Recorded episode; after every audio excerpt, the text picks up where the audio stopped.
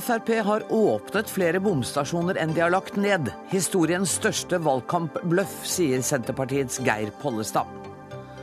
Låste dører, gjensitting og mobilnekt. Kunnskapsministeren vil gjøre skolen strengere. Nesten tilbake til spanskrøret, mener Elevorganisasjonen. Matmerkeordningen Nyt Norge er 220 millioner kroner rett ut av vinduet. Det hevder Markedshøgskolens Trond Blindheim. Han møter direktøren, som sier at ordningen er en suksess.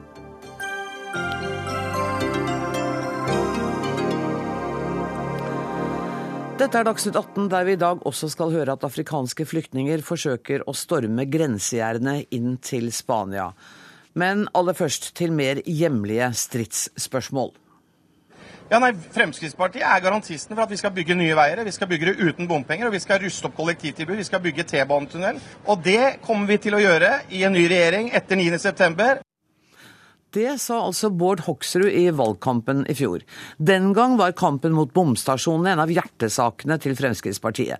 Men etter at de inntok Samferdselsdepartementet, har det blitt åpnet flere bomstasjoner enn det har vært nedleggelser. Og samferdselsminister Ketil Solvik-Olsen, hvorfor blir det akkurat like mange bomstasjoner i, den, i din regjeringsperiode som da dere tok over etter de rød-grønne? Eh, det blir det ikke. De eh, bomstasjonene som vi har lagt ned, er blitt lagt ned fordi at regjeringen har bevilget penger til å nedbetale gjelda før tida. Eh, så det blir så langt sju veistrekninger der de rød-grønne hadde opprettet bomstasjoner, men der vi tar de ned tidligere. Men det er riktig at det vil òg bli opprettet nye bomstasjoner. Men Aftenposten-tallene som du viser til, er ganske misvisende. For de henviser til 17 nye bomstasjoner 14 av de er bompunktet rundt Trondheim, der de rød-grønne vil ha eh, bomring. Så det er jo ikke sånn at det er 14, 17 nye steder i Norge der er eh, bom, eh, bompengeinnkreving nå. Dette er rød-grønne vedtak som blir gjennomført. Så jobber vi med å omgjøre en del av dem. F.eks. når vi vedtok ny E6 i Helgeland så var det planlagt tre bompunkter fra de rød-grønne. Vi fikk fjernet et av de og redusert taksten på to andre. Så bomtakstene, bompengene, vil bli lavere eh, enn det de rød-grønne la opp til. men dessverre fra et Frp-standpunkt så blir vi ikke helt kvitt. Eh, kan ikke du bare forklare meg forskjellen på en bomstasjon og et bompengepunkt? Ja, altså et, et, et bomprosjekt det kan ha mange innkrevingspunkter. Sånn ja. som eh, bom, Bompengepakken i Trondheim det er jo ett prosjekt. Men de har 14 steder du kan risikere å måtte betale. Eh, mens andre steder så har du gjerne en ny vei, og den har ett sted den krever en penger. Men hva er den eh, praktiske forskjellen for meg som bilist, da? Det spiller jo ikke noen rolle for meg om det, om det heter ett prosjekt hvis det er 14 steder jeg må betale penger? Nei, men det er fordi at det er på en måte 14 veier du kan kjøre inn til Trondheim. Så du betaler jo bare én gang når du kjører inn til Trondheim, men for å dekke alle bilene Sånn at alle betaler én gang, så har de satt opp 14 steder. Så du betaler jo ikke 14 okay, ganger, nei. du betaler én gang. Akkurat, men det er 14 eh, det, det er jo... forskjellige bomstasjoner inn til Trondheim. Ja, ikke sant. Og det er jo der Aftenposten sin artikkel blir litt misvisende. fordi den, den, ser jo ikke på hva folk betaler totalt sett, den ser bare hvor mange steder du kan risikere å betale hvis du skal inn til Trondheim. Men du betaler jo bare ett av de stedene. Det som Aftenposten derimot ikke ville skrive om, det er jo at hvis du ser på hva vi har fått til på rabatter på bompenger, eh, fjerning av bomstasjoner, så vil du se at hvis du bare f.eks. teller de tre nordligste fylkene, Nordland, Troms og Finnmark, så har de vedtakene vi har gjort så langt, medført at bompengeforpliktelsene til bilister i Nord-Norge er to milliarder kroner lavere nå enn det de rød-grønne la opp til. To mm. milliarder kroner i skattelettelse til de tre nordligste fylkene på bompenger. Det er ganske mye, men jeg kan kun skryte av at jeg har fjernet to bompunkt. Men eh, fordi vi har redusert takst betydelig, så betaler du altså mye mindre i de gjenværende bompunktene enn det de rød-grønne hadde lagt opp til. Og Dermed har vi levert mye på løftet vårt, men langt ifra alt. Geir Pollestad, du angrer kanskje litt på at du sa at dette var eh, historisk valgkampbløff? Nei, Mitt utgangspunkt er at eh, Fremskrittspartiet i valgkampen lovte 45,5 milliard kroner til samferdsel årlig, utover det de rød-grønne hadde. De har altså levert første året 1,7 milliarder. Da har de innfridd 3,7 av valgløftet sitt, og det vil jeg si er godt under sperregrensa. Det meste av det som en ser på prosjekt som er sletta, er rent symbolske eh, prosjekt. Det kutta en halv milliard på fem prosjekt. Det var også Senterpartiet med og stemte for i Stortinget når det kom til behandling. Men jeg tror at samferdselsdebatten er tjent med at Fremskrittspartiet nå innrømmer at de har feila. For det kan jo ikke være sånn at når Bård Hoksrud og Fremskrittspartiet ga sine løfter i valgkampen, at de trodde de skulle få 50% av oppslutningen. Det ville jeg ha tatt seriøst om de lå på 8-49% på meningsmålingene når løftet kom. Der var de altså ikke. Det var ingen som trodde på det. Allikevel så ga de garantister. Og Det jeg er opptatt av nå, det er at en må snakke om hvordan skal vi få mer vei, mer penger til vei. Det vil Senterpartiet heie på. Jeg føler at Solvik-Olsen og Fremskrittspartiet bruker for mye tid på fiksfakseri som ikke eh, reduserer den totale regninga, bl.a. med å gi økte rabatter. Ja, det er hyggelig for de som treffer de, men totalregninga blir ikke mindre. De snakker om å utvide innkrevingstida fra 15 til 20 år. Det gir noe lavere betaling i hvert punkt, men sluttregninga blir høyere. Og Det er denne type symbolpolitikk som jeg ikke ønsker at en skal ha inn. Jeg mener at hvis, eh, hvis en greier å innfri det som ligger i den nasjonale transportplanen som de rød-grønne la fram, så tror jeg Solvik-Olsen vil bli en veldig populær samferdselsminister. For det er en svært offensiv plan med 56 nye store veiprosjekt. De må vi få bygd. Og så er realiteten at bilistene betaler ikke mindre i 2014 enn de betalte i 2013. Pollestad, nå, er det, nå er det mange punkter. Nå må Solvik-Olsen få svare. Ja, Her var det mye bevisst feilinformasjon og forvirring. For det første, det er litt rart. Vi bevilger altså over 2 milliarder kroner mer til veier, fylkesveier, enn det de rød-grønne la opp til. Det er altså mer enn det Geir Pollestad klarte å finne når han satt i regjering. Og så får vi kritikk for at det ikke er nok. Det er faktisk mer enn det Senterpartiet var villig til å prioritere. Så bilistene får mer vei ved at Fremskrittspartiet sitter i regjering. Bilistene i Nord-Norge vil altså få to milliarder kroner mindre i bompenger enn det de rød-grønne la opp til. Det er òg bra for den landsdelen. Det betyr at det er mer penger igjen i næringslivet hos innbyggerne. Fordi at, ikke fordi at vi drar nedbetalingen fra 15 til 20 år, sånn som Pollestad gir inntrykk av, men fordi at vi får ned rentekostnadene. Og staten skal bevilge mer til mange av veiprosjektene. Vi tar rett og slett og reduserer bompengegjelda ved at staten bevilger mer. Så det er nye penger her, og ikke bare juks med system. Og så eh, Vent litt, vent litt grann, Pollestad. La Solvik-Olsen få lov å fortsette og, og argumentet. Og så, og så syns jeg, synes jeg at det er bra hvis Pollestad er enig i at vi skal diskutere innhold i, i politikken. Og da kan vi jo diskutere det at Eh, altså, Senterpartiet har jo vært, vært kritiske til eh, Frp og Høyre når vi sier at vi vil planlegge ny E39 fra Stavanger til Kristiansand som firefelts motorvei. Mm. Senterpartiet var kritisk når vi begynte å skulle framskynde E18 i Vestfold.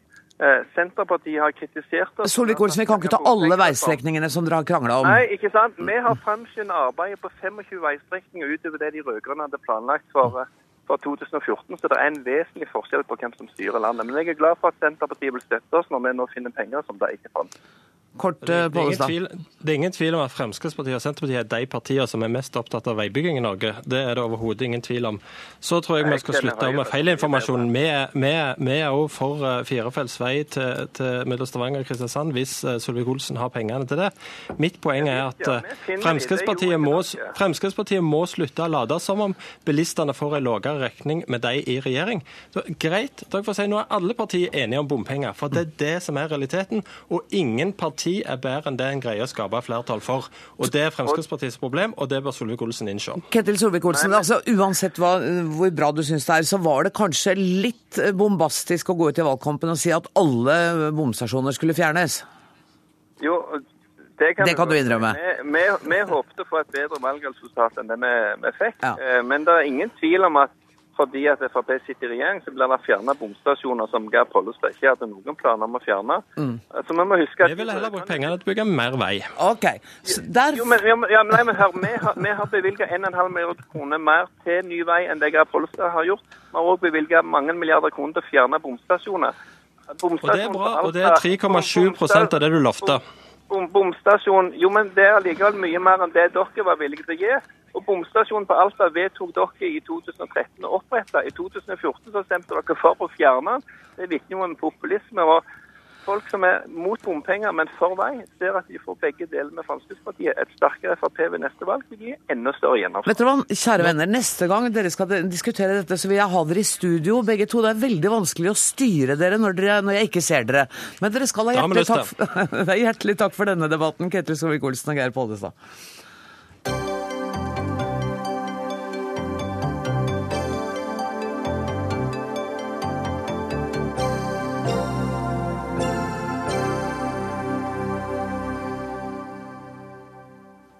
Gjensitting, mobilnekt og låste dører, det er noe av det skoleelever kan forvente seg framover. For med et strengere ordensreglement vil Høyres kunnskapsminister rydde ut den siste resten av det han kaller den rød-grønne koseskolen. Kunnskapsminister Torbjørn Røe Isaksen, kan ikke du forklare meg hva den rød-grønne koseskolen er for noe? Nei, Det er først og fremst litt humoristisk sagt, da. Ja. Eh, Jeg, syns det er bra. Det er jo sånn at ni av ti elever trives på skolen. Det er jo veldig bra. Eh, Men, eh, men jeg syns det har vært for mye uklarhet i skolen rundt hva slags ordensreglement lærerne har mulighet til å ta i bruk, og skolene har mulighet til å ta i bruk. Vi har fått tilbakemeldinger fra lærere som, som mener at det er uklart, at det har vært for, for byråkratisk, at det ikke har vært tydelige nok eksempler. Og da gikk jo senest i vinter en diskusjon om f.eks. det var greit at en lærer låste døra etter at undervisningen var starta, og ba elever som kom for sent om å gå til rektoradministrasjonen isteden å melde seg. Nå klargjør vi det, rydder opp. Så har vi også varslet at en fraværsgrense i den videregående skolen som de rød-grønne fjerna, den kommer vi til å gjeninnføre, men det blir ikke før neste skoleår. Hva slags grense Den var jo på 20 fravær, eh, og helt, eh, den gjaldt alle. Uansett hva grunnen var, så kunne du ikke få karakter. Det var jo også grunnen til at eh, de rød-grønne fjernet den, fordi den var urettferdig. Hva slags regler har du tenkt å innføre? Nei, Det vil man se når vi kommer med reglementet. Så jeg har ikke lyst til å spekulere i det nå, for da kan det skape masse usikkerhet og spekulasjoner rundt i skolen. Så vi kommer til å komme med en fraværsregel. og Den kommer til å tre i kraft fra i høst. Eh, Det vi har sagt i dag, er jo at vi skal rydde opp og klargjøre det som har vært en, dessverre en forvirring mange steder. Og så er det jo også et signal til alle som er i skolen om at læringsmiljø er viktig, rammer er viktig. Det er et signal til elevene om at det å komme på tiden når det er undervisning, det er viktig. Og vi skal lage et system hvor lærerne eh, kan bruke sunn fornuft, og hvor vi stoler på at skolen og lærerne finner ut av dette på en god måte. Trond Giske, du er leder av utdanningskomiteen på Stortinget. Er de tiltakene som statsråden lanserer nå, nødvendige? Ja, men det er helt unødvendig at eh, kunnskapsministeren eh, bruker verdifull arbeidstid på å presisere det. fordi at det virker som han egentlig ikke helt kjenner virkeligheten ute i den skolen han er satt til å styre. Nå har jo hans kollega i KS, Gunn Marit Helgesen, bruker mesteparten av vinteren å snakke skolen ned. Nå fortsetter Røe Isaksen. For jeg tok og sjekka i dag, det er jo veldig fort nå med internett å finne ut ting. Eh, Og jeg sjekka eh, ordensreglementet i eh, videregående skole i rød-grønne Sør-Trøndelag og rød-grønne Østfold, da, siden det er koseskolen han snakker om. Og Der står det at bl.a. skal elevene sørge for å møte presist og delta aktivt i opplæringa, følge reglene for bruk av IKT, bidra til ro og orden i skolebygningen, ikke ha mobiltelefoner og annet elektronisk utstyr som ikke er avtalt med lærer. Og brudd på dette kan føre til beslagleggelse av gjenstander, bortvisning av klasse, utestenging fra IKT-nettverk, bortvisning fra skolen og tap av rett til videregående skole. Og i Lørenskog eh, videregående skole så et oppslag i, mars i år om at de i ett år har praktisert låste dører når elevene kommer for seint. Eh, Det har da eh, redusert forsentkomminga fra 160 per dag til 20 per dag. Så dette skjer jo ute i skolen fullstendig uten hjelp fra kunnskapsministeren, og lenge før kunnskapsministeren ble kunnskapsminister. Så det er litt sånn å tøffe seg, og det er fint det, eh, men å snakke liksom ned skolen og si at det er en koseskole osv., det er både kunnskapsløst og litt foraktfullt overfor alle de titusenvis av lærerne som faktisk gjør jobben hver eneste dag. Men disse tiltakene trenger vi altså ikke da, kunnskapsminister, for at de står i skolereglementene rundt omkring? Jo, men dette er jo, For det første så er det jo helt riktig, eh, og det står jo også i VG i dag, at dette er noe som praktiseres rundt på flere skoler. Så det er jo ikke fordi at, eh, fordi at vi finner på helt nye tiltak eller skal lage nasjonale tiltak at dette kommer. Det er jo fordi at det går og har gått en kontinuerlig debatt. Dette handler jo ikke om å snakke ned skolen, det handler om å si at vi skal bruke sunn fornuft, at vi skal gi tillit til lærerne på den enkelte skole, og at vi skal klargjøre det som har vært en usikkerhet. Det var jo Senest i vinter så var det en stor debatt hvor vi fikk flere henvendelser fra mange lærere som mente at gjennom år så hadde det blitt en usikkerhet rundt hva som var anledning til å gjøre i skolen. Og Det er derfor vi sier at nå skal vi lage et regelverk og eksempler som er klare og tydelige, som sier noe om hva lærerne kan gjøre, sier noe om hva de ikke kan gjøre, som gjør at flere skoler kan gjøre f.eks. som de har gjort i Lørenskog, og ha klare regler for at hvis du kommer for sent, så melder du deg til rektor, og da er det også helt lov å låse døra. Det er jo ikke mer enn noen år siden det var en svær medieføljetong. Ja, men du trenger jo ikke vent, litt, grann, vi har flere gjester her. Det ser jo ikke dere, for dere er jo ikke i studio her. Karl Eirik Kval, du er lektor og forfatter av boka 'Det store skolesviket'. Hva syns du om eh, forslagene fra kunnskapsministeren? Det lyder som musikk i mine ører. Det er eh, akkurat det jeg har skrevet under denne boka her. Det kan nesten virke som han har lest den.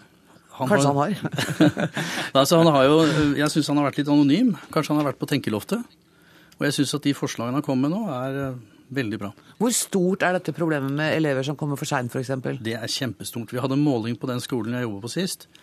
Og der var det 40% av elevene som kom presis, 30% som kom for seint, og 30% kom aldri. Men er det hensiktsmessig at de da kommer til en låst dør?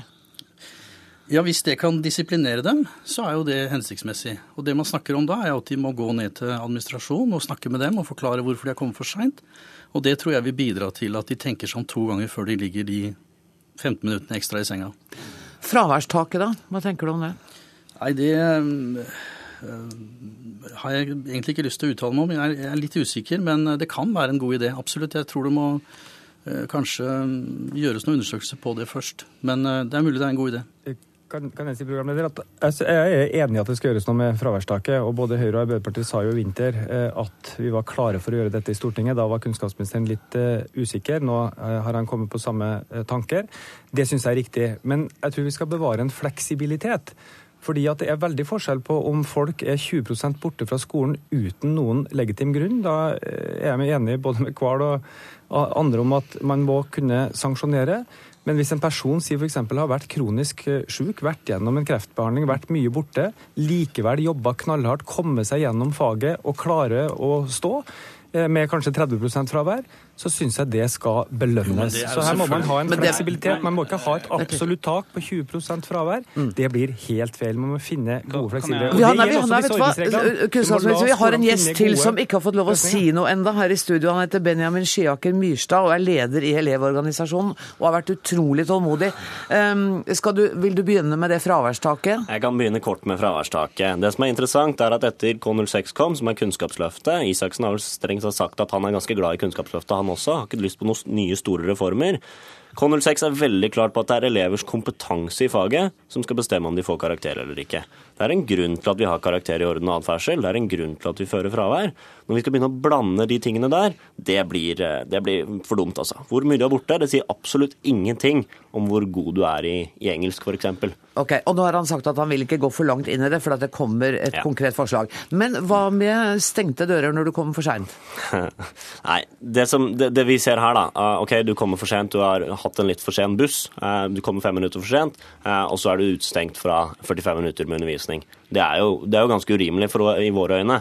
Men det er vel slik at det ofte er de samme som har en tendens til å komme for sent? Det, det, det er det. Og, og, det som er interessant, det er et, et godt eksempel her. Nesodden VGS her i, i Akershus slet med høyt fravær. De gjorde ett enkelt tiltak at rektor sto utenfor eh, når, eh, rett før skolen begynte. Hilste på elevene, snakket med elevene.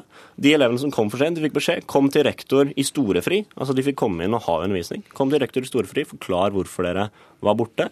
Dersom det skjer flere ganger, så får man litt mer tilpasset tiltak. Da. Ser ok, hvorfor er det du kommer for sent. Eh, og det som er interessant, det er mye forskning som viser at elever møter ikke opp hvis ikke de føler en, en nærhet til skolen og, og, føler at noen bryr seg i skolen. Eh, og det å bare låse døra, det er vel det motsatte av det å vise at man bryr seg i skolen. Kval?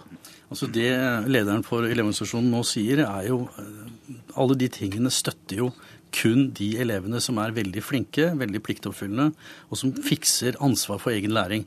Dette, dette med kompetanse i faget f.eks. Altså, man overlater altså til elevene å skulle vurdere om de bør være på skolen eller ikke, og det er man ikke i stand til når man er i den alderen der. Det er en alder hvor man er i en utprøvende fase, hvor man skal forsøke å frigjøre seg fra voksensamfunnet osv.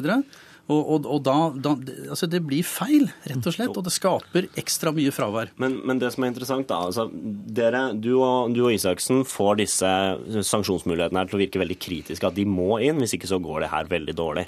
Eh, spørsmålet mitt da er hvorfor er det så mange lærere rundt omkring i Norge som klarer seg så bra, som har rolige timer og har gode undervisningsopplegg? Og de, de rører ikke engang disse sanksjonsmulighetene. Hva er det de gjør som du da kanskje ikke, ikke får til? Eller det, på din tidligere skole ikke Kanskje ikke de har elever som er mer disiplinerte, hva vet jeg. Men altså, vi må jo ha regler som passer for de fleste elevene. For Og de fleste vi lærerne. Nei, vi har slett ikke det. For når jeg kom med det eksempelet mitt, at 40% av elevene møter presis, og ikke noe flere, Mm. så må det være noe galt. Ja, Torbjørn Røe er det eh, Røe Isaksen, ja. det er altså litt uenighet her i studio eh, om eh, man har behov for disse reglene. Hvor, eh, hvor viktig er det for deg at dette nå gjennomføres på de skolene som ikke har det i dag? Skolene skal få lov til å bestemme det selv. Men jeg syns det er viktig at det er klarhet i hva slags virkemidler lærerne har å bruke. Og jeg syns det er veldig spesielt når, når lederen i utdanningskomiteen, altså Trond Giske, for det første kritiserer det å fjerne at fraværsgrensen ble fjerna. Det var det da den hans egen regjering, hvor Arbeiderpartiet satt, som hadde flertall på Stortinget, som fjernet den grensen. Ikke for å innføre noe annet, det ble ikke innført noe som helst annet, man bare fjernet den. Resultatet var der vi har tall for det, ser vi bl.a. i Oslo-skolen at fravær, fraværet føk i været. Så syns jeg også det er litt spesielt at man ikke er litt mer opptatt av å Altså, Giske fremlegger det her som her er det ingen problemer, fordi han har funnet regelverk hvor dette er i orden. Vel, jeg så bl.a. debatten som kom etter boka til Kval. Jeg så at veldig mange lærere, og fikk kontakt med veldig mange lærere, har snakket med veldig mange lærere, som sier at her er det en uklarhet i skolen. Mange lærere oppfatter det. Og Da mener jeg det er en jobb å svare på det. Og så må man forutsette at skolene forvalter dette på en fornuftig måte, at lærerne bruker sunn fornuft, at de også ser forskjell på om du kommer for seint fordi bussen er for sein, eller fordi du bare kommer for seint og ikke vet at du skal være der når timen begynner. Hvordan, Og det hvordan skal du gjøre det med en låst dør? En låst dør er Jo, ikke En låst dør er jo en låst dør. Det er jo ikke noe Fordi- sunn fornuft i en låst dør. Fordi du melder deg til administrasjonen. Og Jeg syns ikke, jeg syns ikke dette resonnementet holder om at det å ha en låst dør hvis du kommer for sent, at det fratar deg retten til undervisning. Hvis du kjøper en flybillett, så har du rett til å fly på det flyet, men du har ikke rett til å komme en halvtime etter avgang og si at jeg skal være med. Nå styrer Dette vi er heldigvis skolen etter noen andre prinsipper enn flyselskapene, da. Da, da tar vi Trond Giske nå. For det første bare si at jeg er enig i alle disse tiltakene som Torbjørn Isaksen ramser opp eh, i VG. og Vanligvis er jo statsråder eh, glad for å få støtte for det de mener. Her er Torbjørn Isaksen litt skuffa. Men problemet er bare at veldig mye av dette allerede gjennomføres. Så jeg er også helt enig i at hvis det oppstår uklarhet, så må det avklares eh, i brev til skolen. Men hvis uklarhetsspørsmålene kom i januar-februar, så er det jo veldig seint å avklare dette fra Isaksens side i august, men bedre sent enn aldri. Skolene har anledning til å lage slikt regelverk. De har anledning til sanksjoner.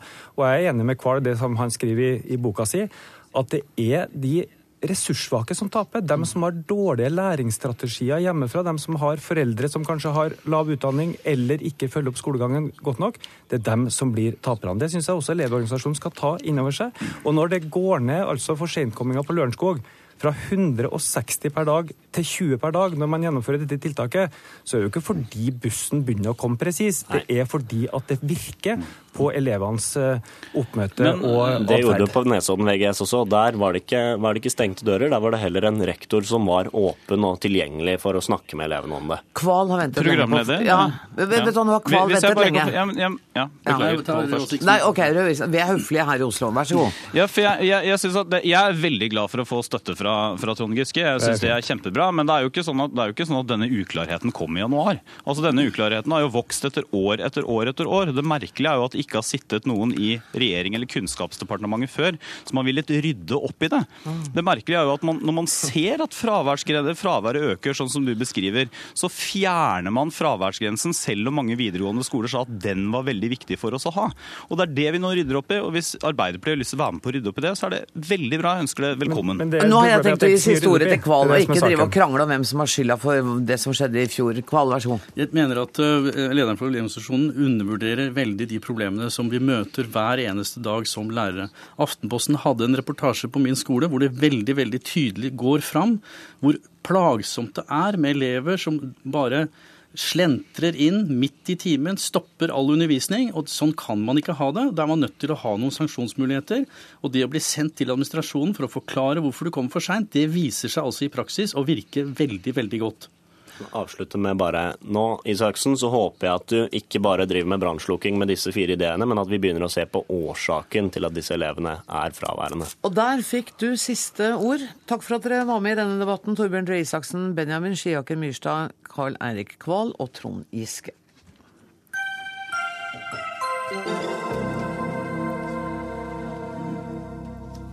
For fjerde natt på rad har det igjen vært kraftige sammenstøt mellom opprørte innbyggere og politiet i småbyen Ferguson i Missouri i USA. Bakgrunnen er at den 18 år gamle Michael Brown ble skutt og drept av en lokal politimann forrige lørdag, under høyst uklare omstendigheter. Politiet beskyldes nå for rasisme, og demonstrantene har brukt molotovcocktails mot politistyrkene, som har svart med tåregass og røykbomber. Tove Bjørgaas, NRKs USA-korrespondent. Hva skjer rundt denne saken akkurat nå? Akkurat nå venter alle på at Obama, president Obama skal si noe mer om dette her.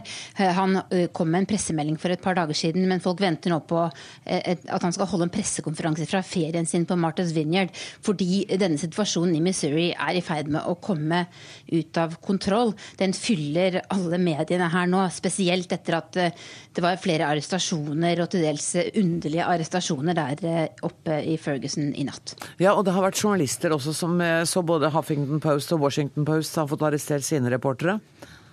Ja, og Det er nok dette som har fått begeret til, til, å renne over for mange. To journalister ble arrestert inne på en McDonald's-restaurant i natt.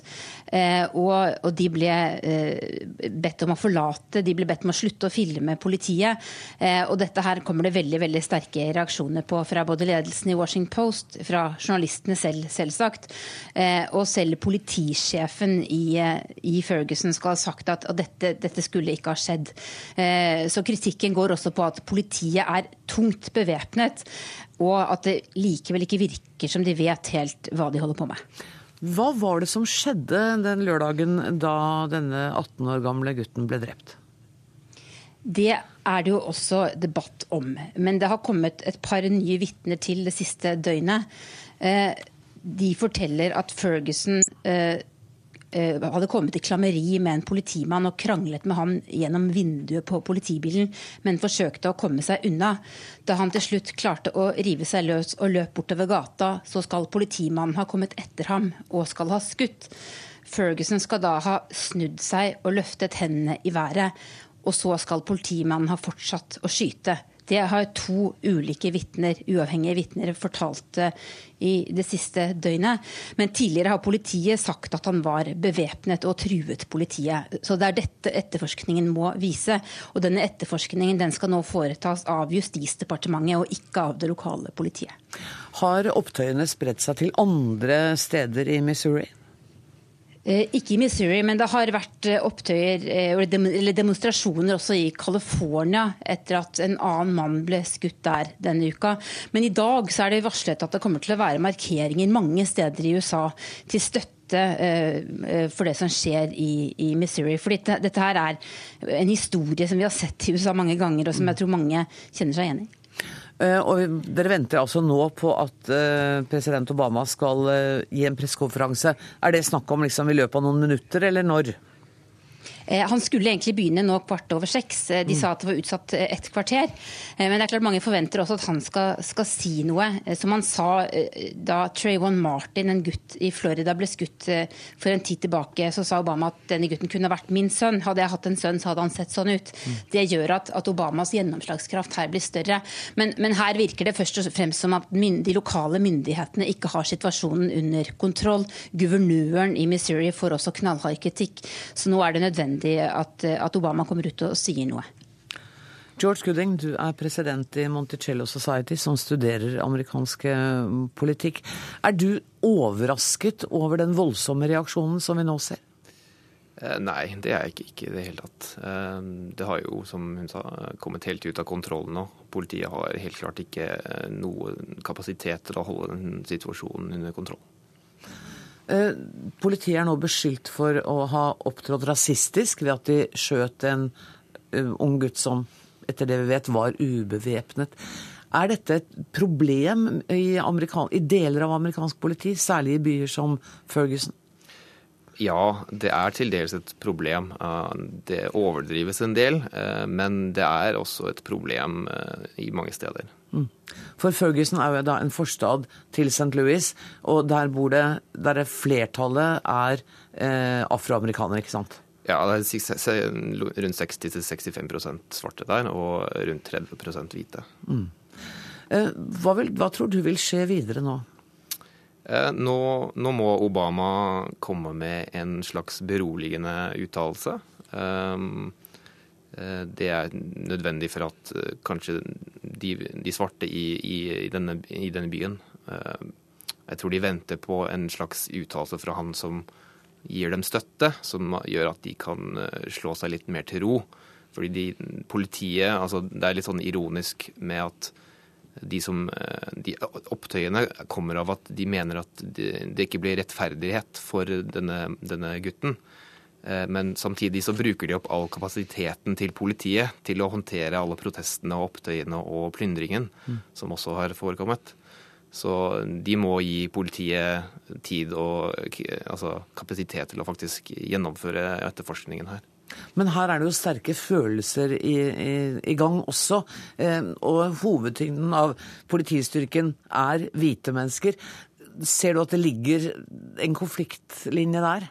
Ja, det, altså, det, har vært skrevet at uh, av, av, 53 politifolk i, i, denne byen, så er 50 hvite. Mm. Det, det, er også skrevet at det har vært langvarige sånn um, at, at, de svarte i, i, befolkningen der ikke føler at politiet er på deres side. Og, det har de kanskje eh, rett i? Eh, det, det, kan hende, men problemet blir at det blir en sånn selvoppfyllende eh, profeti. Da, at eh, de svarte mener at politiet er ute etter dem hele tiden, og så kommer alle tilfeller eh, hvor de tror dette bekrefter dette, som kanskje ikke er rasistisk ment. da. Er Tove Bjørgaas fortsatt eh, med oss? Tove? Ja da. Har, du har fjernsynet på. Har presidenten begynt å snakke ennå? Fortsatt er intet fra Martha's Vineyard, et helt annet hjørne av landet, der han er på ferie. Eh, men, eh, men, jeg er ganske sikker på, som Gooding sier, at det er de beroligende ordene han, han må komme med nå, samtidig med noen ord om at han skal rydde opp i, i det, det som virker som et kaotisk ja, en kaotisk kommandostruktur der oppe i Ferguson. Jeg så akkurat et intervju med den lokale borgermesteren på TV som ikke visste som han, som han hørtes ut som han hadde spesielt god oversikt over hva som foregikk. Og Det virker jo som om situasjonen er noe ute av kontroll. Um, vi kommer vel tilbake i andre nyhetssendinger med hva president Obama har sagt. Takk skal dere ha, Tove Bjørgaas og George Gooding.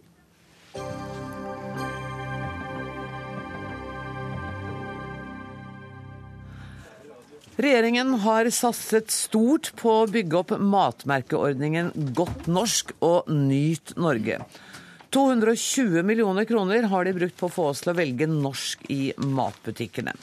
Trond Blindheim, rektor ved Markedshøgskolen. Du har sagt til en avis i dag at dette er bortkasta penger.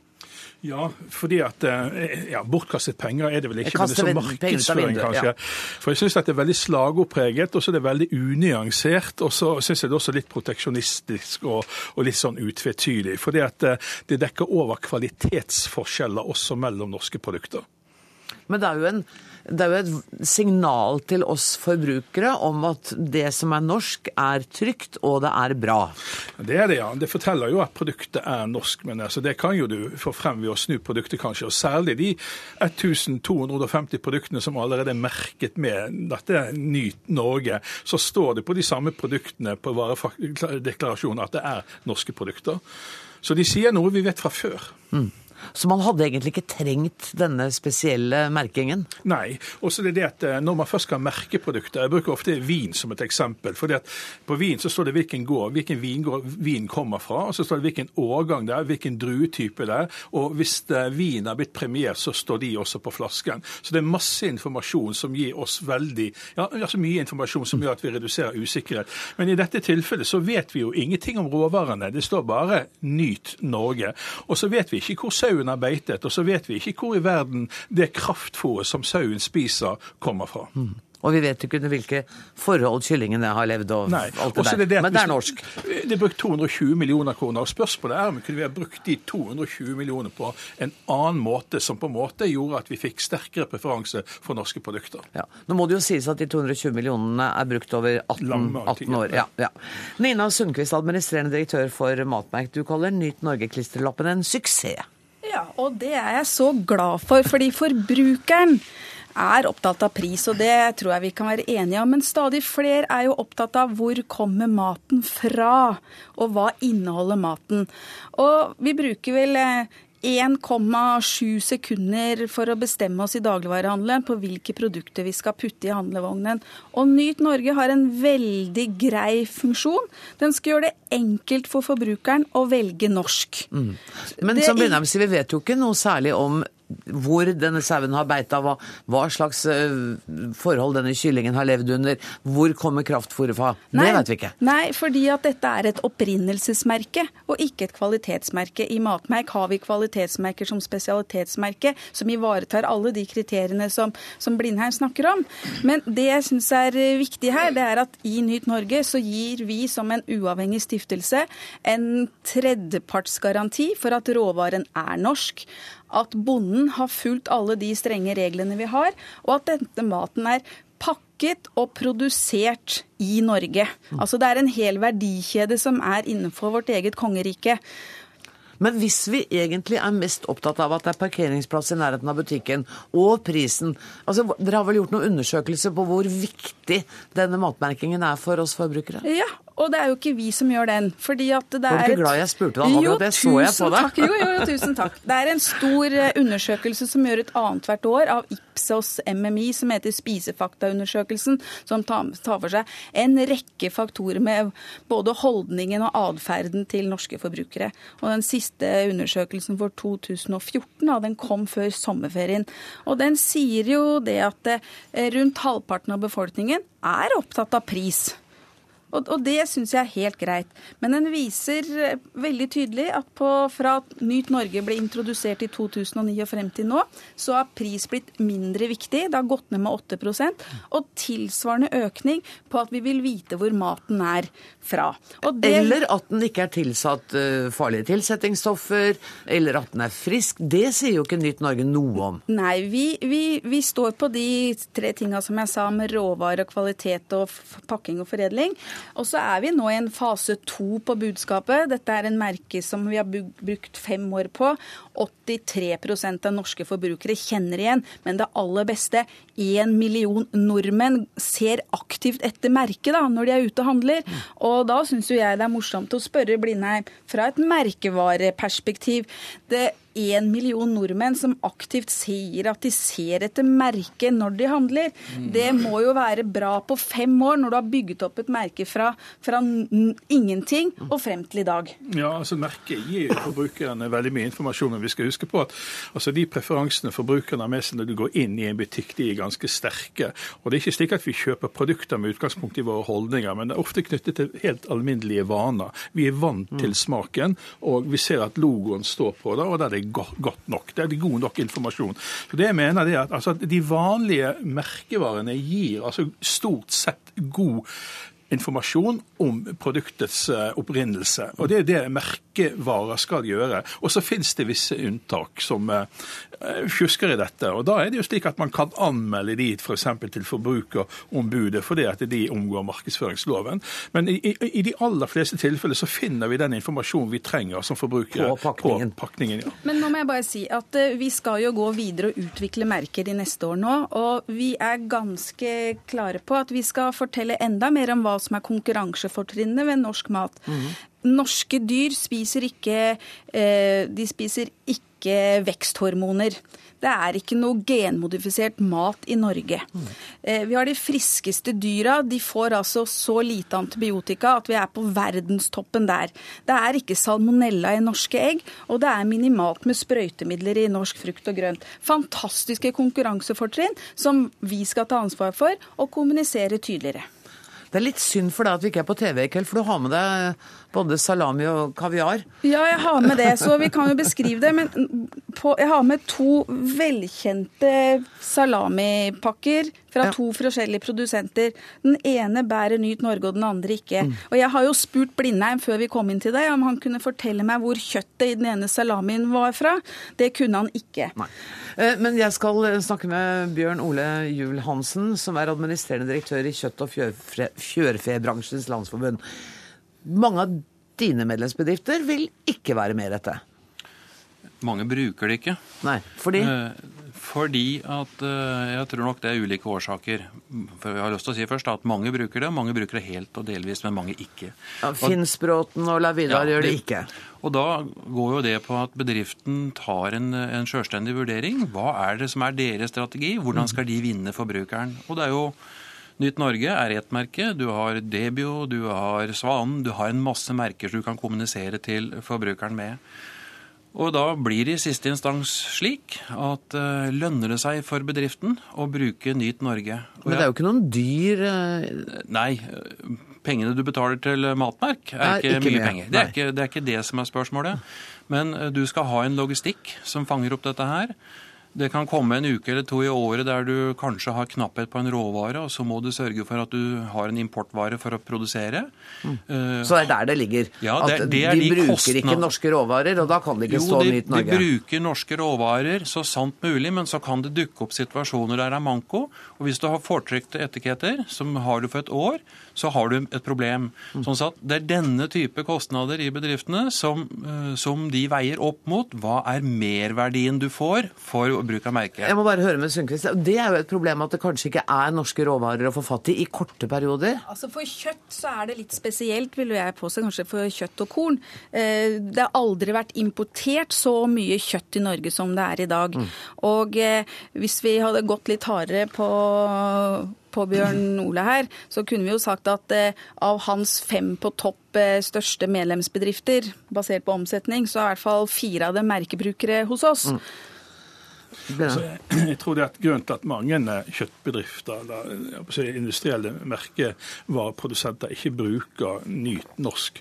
Det er fordi at det er pragmatikere som jobber i markedsavdelingen. For hver krone de investerer i markedsføring, så vil de gjerne ha to kroner tilbake igjen. Og de klarer ikke å legitimere det overfor seg sjøl at dette er en god investering, fordi at de har god nok informasjon på pakningen av emballasjen slik den allerede er. Men vil dere Hvordan vurderer dere matmerkingen Nytt Norge? Vi er veldig glad for ideen matmerk og for arbeidet som gjøres. Men ikke praksisen, da, Gjennomgående, som det sies her, så kommer det mer over tid. Det, er en kort, det har en kort periode. Og vi håper jo da at i neste periode så får man all den informasjonen som Dina Sundquist nå har redegjort for, fram til forbruker. For jeg tror nettopp det at forbrukeren oppfatter Nytt Norge som norsk. Men det må være mer verdi enn det.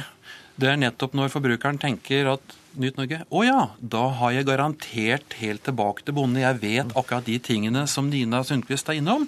Da får vi den merverdien som jeg tror at eh, produktene henter mer i markedet, og da er det interessant for våre medlemsbedrifter. Så der er du helt på linje med Blindheim, egentlig. Du må vite mer. Ja, vær så god. Ja, og jeg, jeg må bare være, kaste meg utpå her, fordi at eh, vi importerer 60% av maten vi spiser. Kommer fra hele verden, men mye kommer jo fra EU.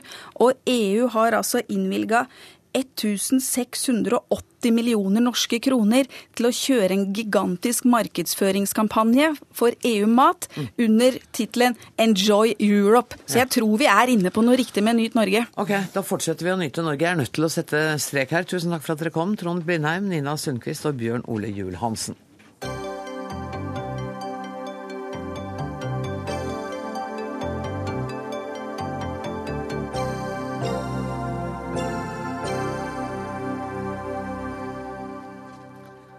Den spanske kystvakten har siden mandag plukket opp over 1200 flyktninger som har flyktet med båt fra Afrika til Spania. Dette skjer etter at spanjolene har gjort det vanskeligere å krysse grensa til de spanske enklavene i Nord-Afrika. Likevel så har flere flyktninggrupper forsøkt å klatre over gjerdene som spanjolene har satt opp. Og generalsekretær i NOAS, Anne Margrethe Austenaa, 1200 flyktninger på tre dager, det er jo et utrolig tall. Det er det. Men det sier jo mest av alt noe om den desperasjonen og den situasjonen som flyktningene flykter fra. Ja, hva er det de flykter fra? Ja, De som nå kommer til Spania, den største gruppen der, det er flyktninger fra Mali. Fra konflikten i Mali. Men det er faktisk også en god del syrere som er kommet, eh, fått visum, eh, kommet seg til Marokko og prøver å komme til eh, Europa via disse enklavene på på nordafrikansk side, da, over til Spania. Ja, for det, Forklar meg det, for det er to spanske små enklaver i Marokko? Ja, det er jo også gamle besittelser som Spania har, og som de har valgt å beholde. Og som de nå har grundig gjerda inne. Og hvor de faktisk driver eh, De fanger opp flyktninger som klarer å ta seg inn i disse enklavene, og deporterer dem tilbake til Marokko. De har et spansk-marokkansk eh, immigrasjonskontrollsamarbeid. Og dette skjer eh, som brudd på rettigheter i en del tilfeller, dessverre. Fordi at de eh, gjør da ingen vurdering av om det finnes eh, asylsøkere i denne gruppen som da har rett til å få beskyttelse, og i hvert fall rett til å få prøvd sitt behov for beskyttelse. Du, jeg så på BBC, Den ene dagen var det kommet 126 småbåter stappfulle av mennesker på flukt. Og så ser vi disse mottakssentrene. Eh, de blir altså laget i idrettshaller. Det er Røde Kors-folk der som hjelper dem. Men man sitter og lurer på hva skjer videre?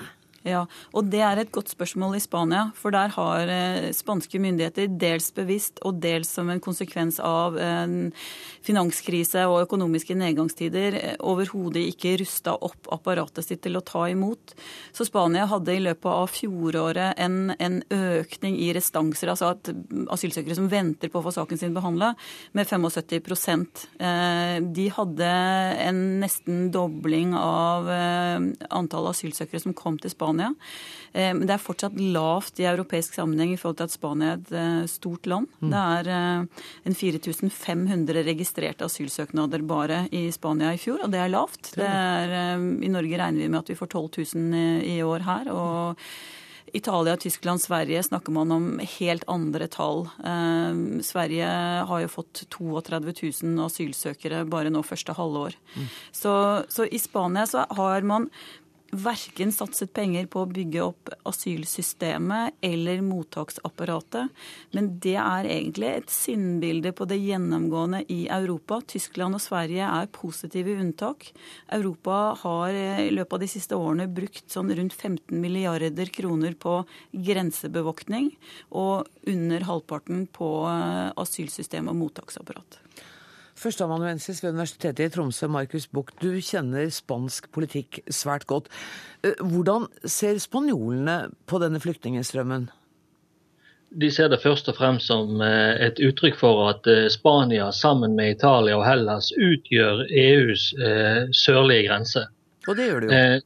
Det gjør det jo. Og det som er Forskjellen her er jo det at fordi at man av historiske årsaker har to små enklaver i Marokko så har man også landforbindelse til, eh, til eh, det som er eh, Afrika. I tillegg til det som kommer med, med, med båter og den type inn. Eh, og Slik som det oppfattes i Spania, så er man ikke i stand til å håndtere dette. her, og at det, Dette er et uttrykk for at eh, man er i en grensesituasjon, og at det er egentlig EU som må ta tak i dette, stort sett. Men nå sier Ann Margrethe Austen at Spania har jo heller ikke prioritert eh, å styrke det som handler om behandlingen av asylsøknader. Nei, Det er helt riktig. Eh, men da må vi også huske på det at eh, Spania før finanskrisen det var et eh, immigrasjonsland der spesielt immigranter fra Latin-Amerika kom. Slik at Det er ikke det at Spania ikke har hatt en veldig stor innvandring over de senere år.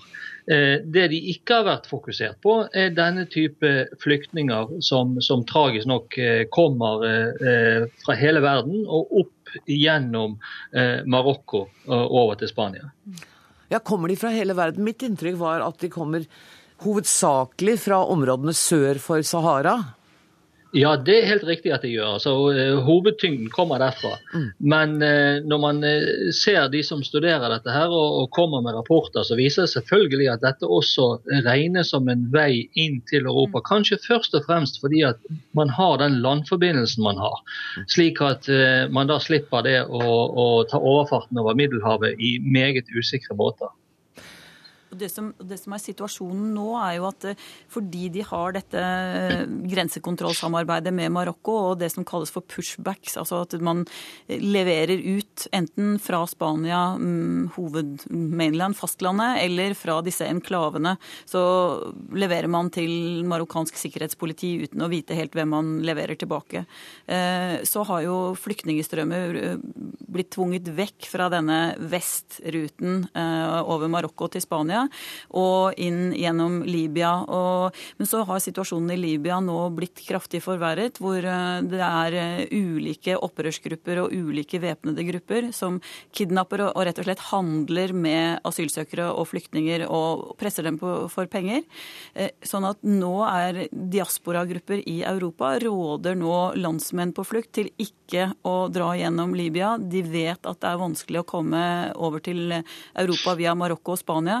Så nå kommer flere og flere i farkoster fra Egypt til Hellas. Og det er en veldig mye lengre og mer farefull reise enn fra Libya og over til Lampedusa. Men eh, Markus Buch, altså, spanske myndigheter må jo på en måte forholde seg til dette. Dette problemet kommer jo ikke til å bli borte i morgen. Nei, overhodet ikke. Altså, det er jo sammenlignbart med grensen mellom USA og Mexico. Mm. Eh, og det er jo et problem som bare kommer til å øke. Eh, og migrasjon vil vi alltid ha.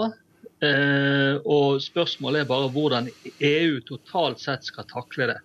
Eh, hvis vi husker tilbake for en 10-15 eh, år siden, så var det jo snakk om det at når, når, når muren falt mellom øst og vest, så var det folk helt oppe i Nord-Norge som så for seg at man skulle få en sånn immigrasjonsbølge fra, fra Russland over til Norge. Hvordan skulle man takle det? Mm. Eh, og Det som skjer nå i, i Sør-Europa, er akkurat det. Det er de som må ta imot støyten. De har ikke ressurser til å gjøre det. Og dette er et EU-problem som må behandles på toppnivå i EU. Og alle som enten vi nå er medlem av EØS eller EU, må ta sin skjerv. Helt kort, ja. Og dette bare viser igjen svakhetene ved det såkalte Dublin-systemet. At det er førstelandet som skal ha ansvar for asylsøkere. Hvor hvis det eh, skulle fungert, men det gjør det jo ikke, så var det Spania, Italia og Hellas som fikk ta hele byrden. Hele byrden. Tusen takk for at dere deltok i Dagsnytt 18, Anne Margrethe Austnå og Markus Buch.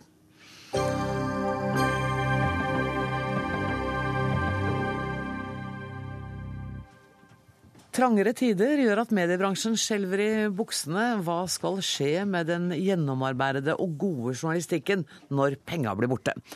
Den skal bli enda bedre, den journalistikken. Det mener du, Katrine Aspås, journalist og siviløkonom. I en kronikk skrev du at vi ikke lever i en mediekrise, men i en medierevolusjon. Det er mye gøyere. Det er veldig mye gøyere. Tenk å være journalist og få lov til å være med på en medierevolusjon. Det er, det ikke alle som, det er ikke alle tider hvor det har vært mulig. Så vi, vi, er på vei mot en ny gullalder i journalistikken, rett og slett. Vi står på terskelen til en, en tid hvor eh, skriving og publisering er sluppet fri. Og kostnadene med å publisere journalistikk er lavere enn noensinne. Og dette her kommer til å bli veldig spennende å følge med på. Sånn at vi kan overlate den daglige rapporteringa til bloggere, twitrere og de som skriver frivillig og gratis på Facebook? Det er én modell. Selvfølgelig. Det ut, altså som, som eh, redaksjoner så undervurderer vi omgivelsenes ønske om å bidra. Vi, altså det har vi jo gjort lenge. Vi undervurderer, eh, vi undervurderer egentlig hvor, hvor, ivrige folk er til å skrive leserinnlegg, f.eks. Mm. Og så kan de dyre, dyre journalistene ta seg av de store sammenhengene, og de virkelig gå dypt i sakene de litt billige journalistene Nei, bare tuller. Um, generalsekretær, generalsekretær i Norsk Presseforbund, Kjersti Løken Stavrum. Um, du er ikke helt enig i denne positive beskrivelsen? Jo, altså den er, ikke, den er ikke, feil. fordi at eh, det som er sant, er at vi nå lever i en ny medierevolusjon. Det er historieløst å mene at det er første gang det har skjedd. fordi at eh, Først så fikk vi telefon, så fikk vi PC, og så fikk vi ikke sant. Det har eh, alltid vært på journalistikkens side de nye teknologiske mulighetene. Og nå er det mange nye muligheter. Og jeg tror jo faglig sett så har det aldri vært bedre, og det kommer til å bli bedre og bedre. Når Katrine Aspaas sitter og snakker om vi-redaksjonene, så er jo det ljug. For der er ikke hun. hun var det for noen år siden. Eh, og det er derfor vi har begynt å diskutere dette. fordi jeg føler nok at Aspaas løper etter bransjen og prøver å sette på det en merkelapp eh, som, ikke, eh, som jeg ikke kjenner meg igjen i at den skal ha. Det som derimot er sant, er at, og det begynte særlig i januar i år. Etter mange års nedbemanning så ble dette året ganske ravnsvart. Mm. Nå, er det, nå er det alvor i redaksjonene. Nå er det alvor når det kommer til muligheten for å dekke ikke Syria og ikke de store debattene, ikke det å mene og synse, men eh, veldig mange lokalsamfunn i Norge. Eh, og, og, og, og eh, Aspaas eh, mener jo da at man skal satse på det gratis innholdet. Det kommer til å bare poppe opp. Eh, og da har jeg jo utfordret henne til å dra til Stord, da, hvor, hvor ordføreren trygler om at eh, lokalkontoret til avisa ikke må bli lagt ned, fordi hun er redd for at Stord blir glemt. Men nå kan jo Katrine blogge gratis derfra! Eh, og det er liksom noe av det, Og da blir det for dumt, ikke sant? Da hører du at det, er ikke, det, det hjelper ikke. Altså det som Jeg tror vi også undervurderer jeg tror vi undervurderer skribenter i lokalsamfunn også. Jeg tror vi kommer til å se mer og mer av det. Dette her handler ikke først og fremst om den generasjonen journalister vi er. Det handler om ungene våre, dvs. Si ungene dine og tantebarna mine. Det handler om de journalistene som kommer etter oss, og det handler om de skribentene som har, har publisert siden de var åtte år gamle. Det er det vi har i ryggen. Men tror du ikke at likevel at, at medieverdenen må ha en viss struktur? Jo da, det er klart vi kommer Med til å ha en viss kanskje struktur. lokalkontor på Stord og Men det som er mitt, eh, mitt eh, poeng, er det at vi som journalister vi har et samfunnsoppdrag. Pressen har et samfunnsoppdrag. Det kommer vi alltid til å ha. Men det er det at vi må tenke nytt rundt det samfunnsoppdraget. Vi må, vi må gjøre det samfunnsoppdraget større. Vi må f.eks. Eh, så ønsker jeg, det hadde vært kjempefint, å få en Vær varsom-plakat. Vi trenger en Vær varsom-plakat som er skrevet det. Jo, men vi trenger en som er skrevet for ungdom. For nå driver alle og publiserer. Så hvorfor kan ikke Norsk Presseforbund lage, eller jeg gleder meg til, en Vær varsom-plakat som kan jobbes inn i skoler, sånn at vi, vi eh, forstår hvordan vi skal behandle hverandre når vi publiserer. Ja, altså, det er jo en, Vi har jo Norsk Presseforbund nå akkurat åpnet for at bloggere kan knytte seg til Vær varsom-plakaten. eh, Hvis de ønsker det. Og det er ikke noe, det, Vær varsom-plakaten er like god, den. Så det er ikke det. Det er bare at den, eh, vi må jo sørge for at den blir åpnet og tilgjengelig for alle andre. Og dessuten reiser vi nå rundt i alle skoler og har ungdommens PFU, altså ungdommens Pressens faglige utvalg. Men i går, Mm. den må jo i da går- også være forpliktende for ja, det, alle. altså det er jo klart at Én ting er at det er artig å vite hvilke regler som kan finnes hvis vi har lyst til å følge dem, men, men det vi i Presseforbundet gjør nå, er at vi åpner for at bloggere som ønsker å vise at de jobber seriøst og journalistisk, vil vise at de da følger Vær varsom-plakaten. Men det jeg skulle si var at i går så var jeg i debatt med alle lederne for ungdomspartiene. Og dette er jo folk som ikke har vokst opp i papiralderen. Det, er, jo veldig, det er jo klart og logisk. De klarer jo også helt fint å skille mellom alt det gode, morsomme, fine, frie innholdet som bloggere kommer med, og det som er det kildekritiske, profesjonelle journalistiske innholdet. Og jeg kan melde om at de er også, også bekymret for situasjonen. Og jeg merket meg også at uh, Bård Vegar Solhjell sa på pressekonferansen som SV hadde i går, når de la frem sin uh, nye mediepolitikk, at jeg visste ikke at det sto så ille til. Aspaas, det står ikke ille til, sier du. Jo, det står ille til. Vi er i en kjempestor endring. Redaksjonene har gigantiske kostnader eh, fortsatt, som, som må ned. Det forstå, altså, alle forstår jo det at de kostnadene må ned. Mm. Men det kommer til å dukke opp Det kommer til å dukke opp andre medie, mediehus, andre som investerer. Nå Og masse som folk som har lyst til å skrive Alle gratis. har lyst til å skrive. Ikke alle har lyst til å skrive gratis. Veldig, veldig, veldig okay. veldig mange. Og det er problemet vårt. Mm. Fordi konkurransen om oppmerksomheten er nå så stor. Eller jeg sier ikke det er et problem for journalister, men det er en fantastisk situasjon for alle som er mediebrukere. Vi, vi, vi har en overflod av godt stoff som kommer, og så er det opp til redaksjonene å sette, redigere en god desk, f.eks.